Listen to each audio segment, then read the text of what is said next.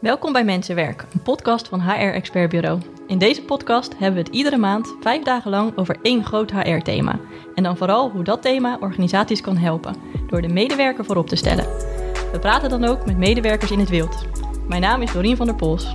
En mijn naam is Sanne Quint. En wij geloven, nee weten, dat als je HR echt inzet om je medewerkers gelukkiger te maken, organisaties daar de vruchten van plukken.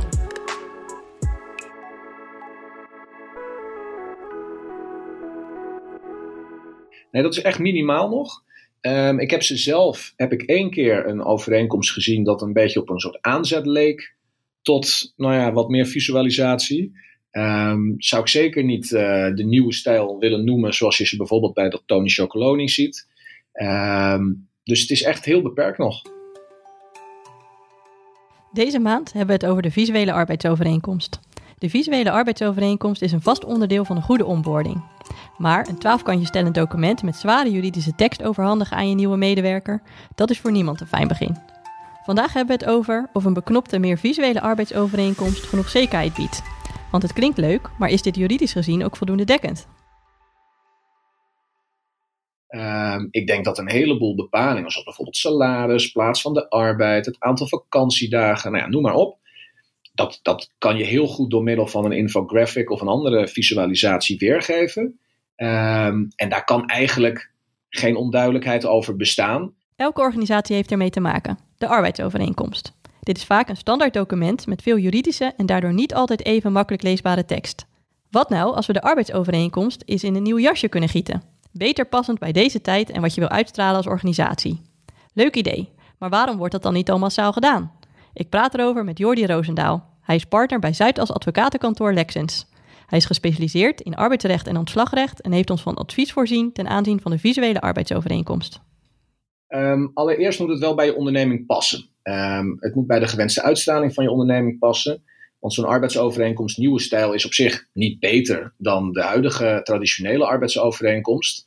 Maar het kan wel onderdeel zijn van de, van de uitstraling of branding van je onderneming. En uh, nou, er zijn voorbeelden van bedrijven die het inderdaad als een visitekaartje gebruiken.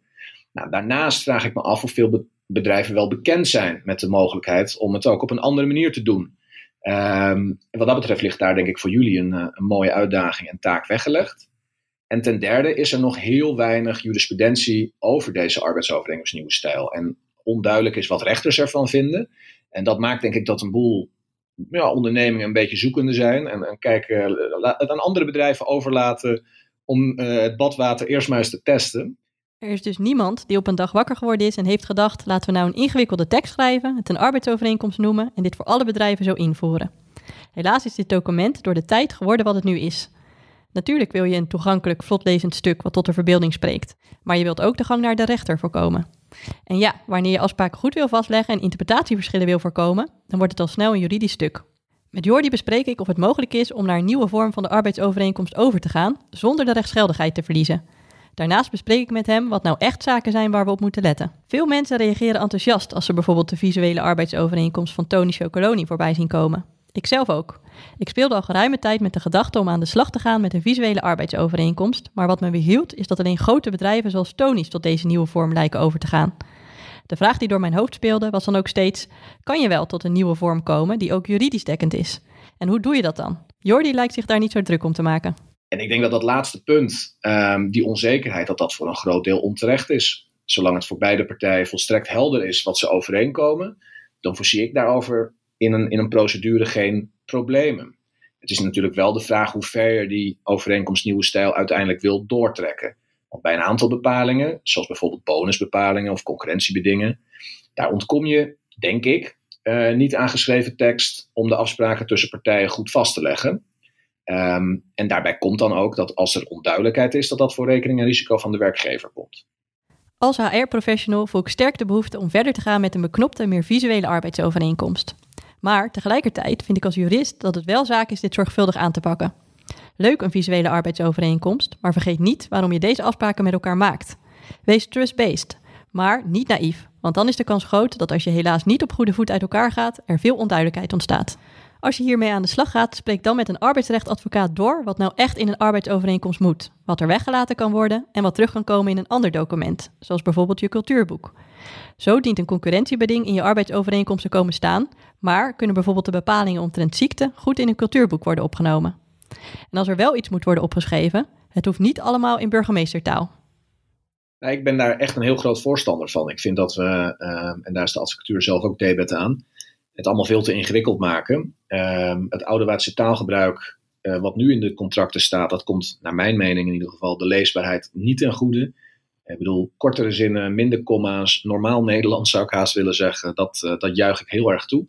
Ehm, en wij proberen dat als kantoor ook te doen uh, bij het opstellen van contracten of bij processtukken. Ehm, het maakt do documenten wat ons betreft duidelijker en daardoor ook overtuigender. En er is ook heel vaak geen enkele noodzaak toe tot het gebruik van, ja, ik bedoel, als je naar een overeenkomst kijkt, dan staat daar wonende te. En waarom staat er niet gewoon wonend in? En, uh, of woont daar? En het, het, het, kan veel leuker, moderner, zonder dat dat ook maar iets afdoet aan uh, de strekking en rechtsgeldigheid van bepalingen. Dus nee, als, ik bedoel, graag zelfs. Het kan dus wel, een meer visuele en aantrekkelijk geschreven arbeidsovereenkomst. Maar toch vinden bedrijven het spannend. En zeker kleinere organisaties, die kunnen het zich ook niet permitteren om hier de mis mee in te gaan. Is het dan wel juridisch verantwoord om de stap naar een visuele arbeidsovereenkomst te maken? Kijk, ik vind het juridisch verantwoord zolang je inderdaad in het oog houdt dat die visualisaties moeten bijdragen aan de duidelijkheid. Um, en wat daar echt van belang is, dat ze niet nou, op meerdere manieren te interpreteren zijn. Want dan Um, maar dat is hetzelfde met de normale bepalingen in, geschreven tekst. Ja, dan zal een rechter zeggen: God, de werkgever is wel verantwoordelijk dat nou, partijen begrijpen wat ze doen. En de werknemer had niet hoeven begrijpen dat. Um, maar zolang dat het geval is, dan is dat absoluut juridisch verantwoord. De wet geeft geen um, verplichting om het in geschreven tekst te doen of met woorden te doen. Dus zolang het duidelijk is, dan, uh, dan zie ik daar geen enkel bezwaar tegen. En wat ik zeg, ja, een aantal bepalingen, daarvan lijkt het me lastig om die uh, anders dan in, uh, ja, in woord uit te drukken of op te schrijven. Maar ik laat me zeer graag verrassen uh, door hele creatieve mensen met mooie visualisaties die dat op een andere manier doen. Vanuit het HR Expertbureau geloven we erin dat je moet blijven mee veranderen met de tijd. Dit geldt ook voor een overwegend juridisch document als de arbeidsovereenkomst. Er zijn bepalingen die op grond van de wet in een arbeidsovereenkomst terug dienen te komen, maar de wijze waarop is dus niet vastgelegd. Dit kan dus ook door middel van visualisaties. Als de bedoeling van partijen maar duidelijk is en partijen weten waar ze zich aan verbinden. Daarnaast kan de tekst vaak best wat beknopter en makkelijker omschreven worden. Natuurlijk hoef je bij het moderniseren van je arbeidsovereenkomst niet over één nacht ijs te gaan. Als je zorgvuldig te werk gaat en je laat bijstaan door experts, dan ben ik ervan overtuigd dat je een vernieuwde arbeidsovereenkomst kan aanbieden die ook juridisch dekkend is en geen problemen hoeft op te leveren in een mogelijke procedure.